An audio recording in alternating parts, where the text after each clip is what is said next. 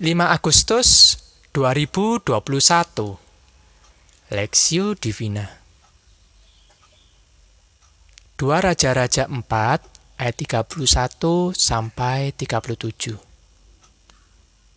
Adapun Gehasi telah berjalan mendahului mereka dan telah menaruh tongkat di atas anak itu tetapi tidak ada suara dan tidak ada tanda hidup Lalu kembalilah ia menemui Elisa, serta memberitahukan kepadanya, katanya, Anak itu tidak bangun. Dan ketika Elisa masuk ke rumah, ternyata anak itu sudah mati dan terbaring di atas tempat tidurnya. Sesudah ia masuk, ditutupnyalah pintu, sehingga ia sendiri dan anak itu di dalam kamar Kemudian ia berdoalah kepada Tuhan. Lalu ia membaringkan dirinya di atas anak itu dengan mulutnya di atas mulut anak itu dan matanya di atas mata anak itu serta telapak tangannya di atas telapak tangan anak itu. Dan karena ia meniarap di atas anak itu, maka menjadi panaslah badan anak itu. Sesudah itu ia berdiri kembali dan berjalan dalam rumah itu sekali lagi ke sana dan sekali lagi ke sini.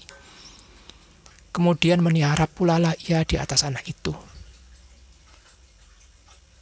Maka bersinlah anak itu sampai tujuh kali, lalu membuka matanya. Kemudian Elisa memanggil Gehasi dan berkata, Panggillah perempuan Sunem itu. Dipanggil, dipanggilnya lah dia, lalu datanglah ia kepadanya, maka berkatalah Elisa, angkatlah anakmu ini. Masuklah perempuan itu lalu tersungkur di depan kaki Elisa dan sujud menyembah dengan mukanya sampai ke tanah. Kemudian diangkatnya lah anak itu lalu keluar.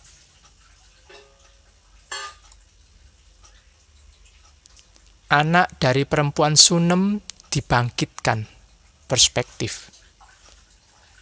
Sesudah itu, ia berdiri kembali dan berjalan dalam rumah itu sekali ke sana dan sekali ke sini. Kemudian meniara pula lah ia di atas anak itu, maka bersinlah anak itu sampai tujuh kali lalu membuka matanya. Dua Raja-Raja 4 ayat 35 Anak perempuan dari Sunem adalah seorang laki-laki yang tidak disebutkan namanya.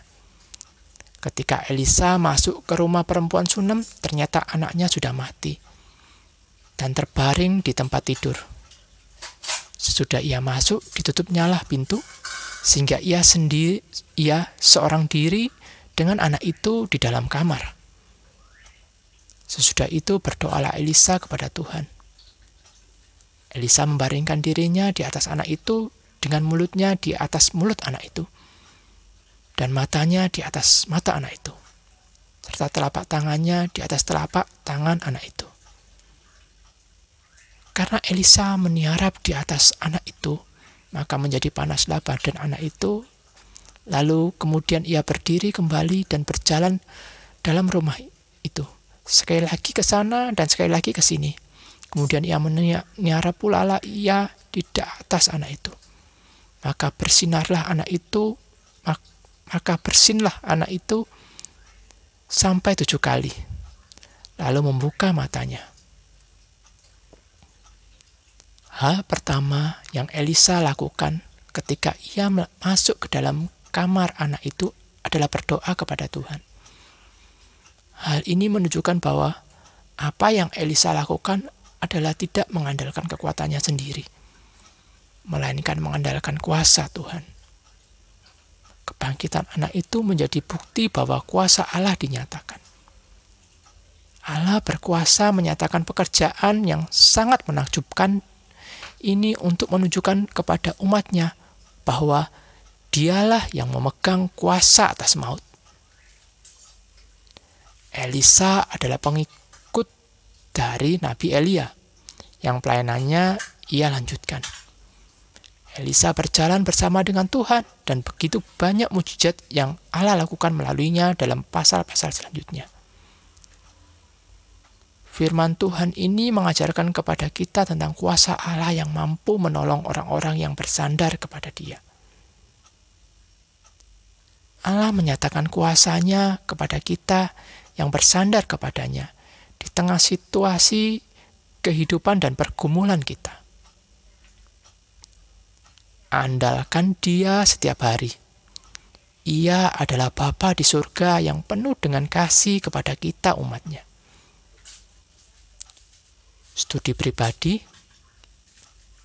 sebagai orang percaya, bagaimana Anda merefleksikan firman Tuhan ini? Dan bersediakah Anda menjadi saluran berkat untuk menunjukkan bahwa Bapa di surga adalah Bapa yang penuh dengan belas kasihan.